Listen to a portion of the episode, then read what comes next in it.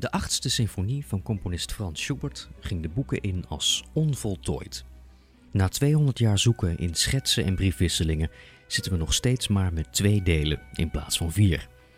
Maar was het eigenlijk wel Schuberts bedoeling om het stuk langer te maken? Of was het stuk een uitprobeersel?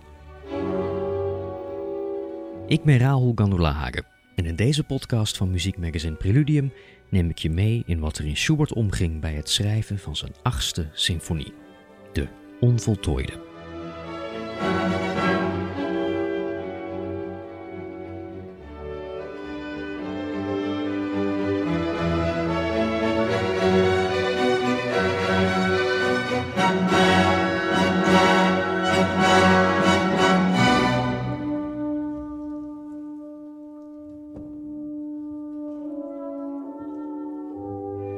Laten we beginnen met wat we wel hebben.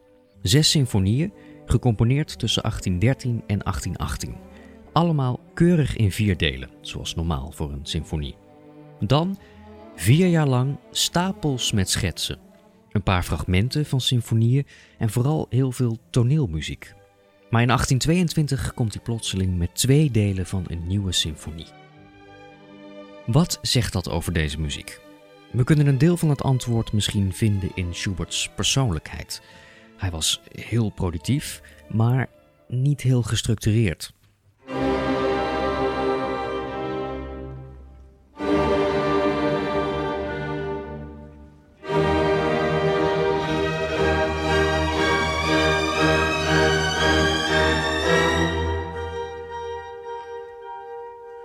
Misschien was de onvoltooide gewoon een vingeroefening. Schubert schreef heel veel, maar van alles door elkaar. Hij werd ziek en niet alleen had hij geldproblemen en leidde hij een chaotisch sociaal leven, ook artistiek gezien was hij in gevecht met zichzelf. In zijn zogenaamde crisisjaren bleven veel stukken onvoltooid. Voor zijn gevoel had Beethoven het gras al voor zijn voeten weggemaaid.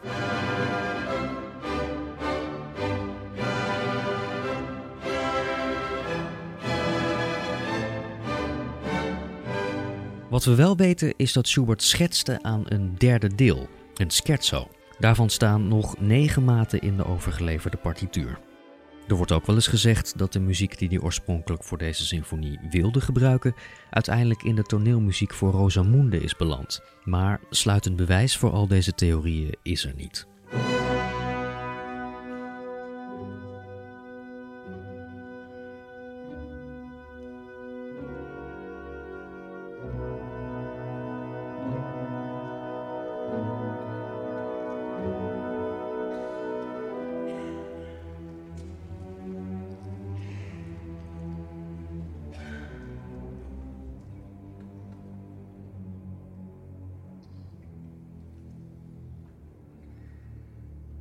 Wel schrijft Schubert in deze periode toe te werken naar een nieuwe, andere symfonie.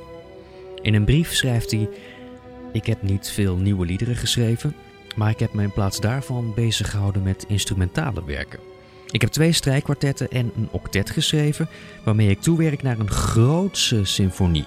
Het laatste nieuwtje in Wenen is namelijk dat Beethoven een concert zal geven met zijn nieuwe symfonie, drie delen uit de nieuwe mis en een nieuwe ouverture. Zo God het wil, denk ik aan iets soortgelijks. Deze symfonie maakte die wel af. De negende, de grote symfonie in C.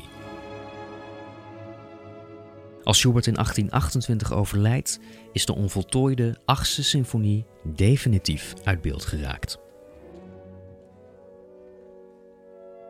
Wat de boel niet duidelijker maakt, is dat de muziek van de onvoltooide meer dan 30 jaar compleet van het toneel verdween, nadat Schubert de twee delen afronde. Hoofdrolspeler in deze vermissing is Schuberts vriend en studiegenoot, de componist Anselm Huttenbrenner. Hij had het stuk al die tijd in beheer. Maar de reconstructie van hoe hij aan het stuk gekomen is, rammelt aan alle kanten. De populairste uitleg is zo. In 1823 overhandigt Schubert Anselm de partituur van de onvoltooide symfonie. Dat is om een eerder gemaakte belofte in te lossen. Hüttenbrenner was namelijk voorzitter van de Muziekverein Graz en hiervan kreeg Schubert in 1823 een erediploma. Als dank beloofde hij zo snel mogelijk een van zijn symfonieën aan hen op te sturen, in complete staat. De symfonie die Hüttenbrenner kreeg was niet echt compleet, maar wel de enige partituur die ooit zijn weg naar Graz vond. Twee delen muziek plus negen maten scherzo.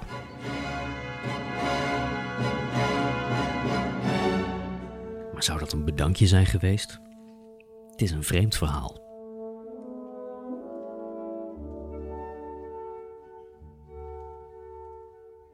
En er is nog iets geks aan de hand. Als de symfonie inderdaad een geschenk was aan de muziekverein in Graz, waarom stopte Anselm Hüttenbrenner de partituur dan tientallen jaren weg in zijn bureaula, terwijl de muziek formeel eigendom was van de vereniging? Een groot deel van het dubieuze verhaal hebben we te danken aan een andere figurant, Jozef Hüttenbrenner, broerlief van Anselm. Hij was amateurmuzikus en deed een tijdje administratief werk voor Schubert, zoals het kopiëren van zijn partituren. In 1860, 32 jaar na de dood van Schubert en als eigenlijk niemand meer van het manuscript weet, lepelt deze Jozef plots een verhaal op over een onvoltooide Schubert-symfonie, die zijn broer Anselm in bezit zou hebben. Hij vertelt erbij dat hij degene is die de partituur destijds voor Schubert op de post heeft gedaan.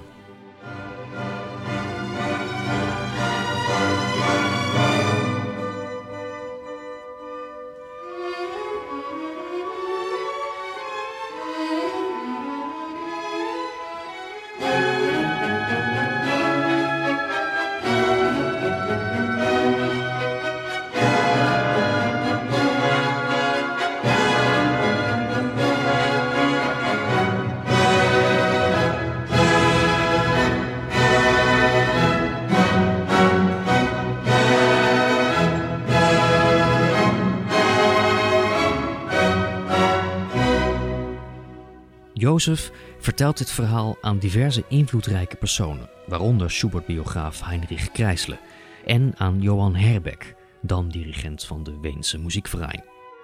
Wel zijn kleine details in zijn verhaal net even anders. Hij heeft plotseling zelf de partituur een tijdje in bezit gehad. De symfonie blijkt in latere versie opeens opgedragen te zijn aan Anselm en zelfs aan de echtheid van het bedankbriefje dat Schubert zou hebben geschreven voor het ontvangen van zijn diploma wordt getwijfeld.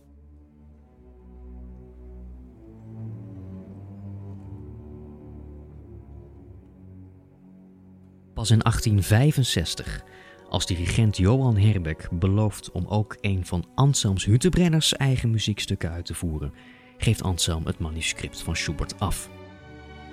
Anselm zelf nam ontslag bij de muziekvereniging Graz en verbrandde zijn dagboek.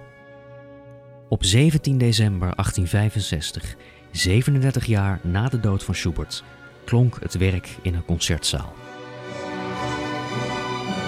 Criticus Eduard Hansliek schreef: Als na een paar inleidende maten de klarinet en hobo unisono een zoete melodie over het zacht murmelen van de strijkers laten klinken, dan hoort zelfs een kind welke componist dit is. En een onderdrukte uitroep Schubert gonst door de zaal.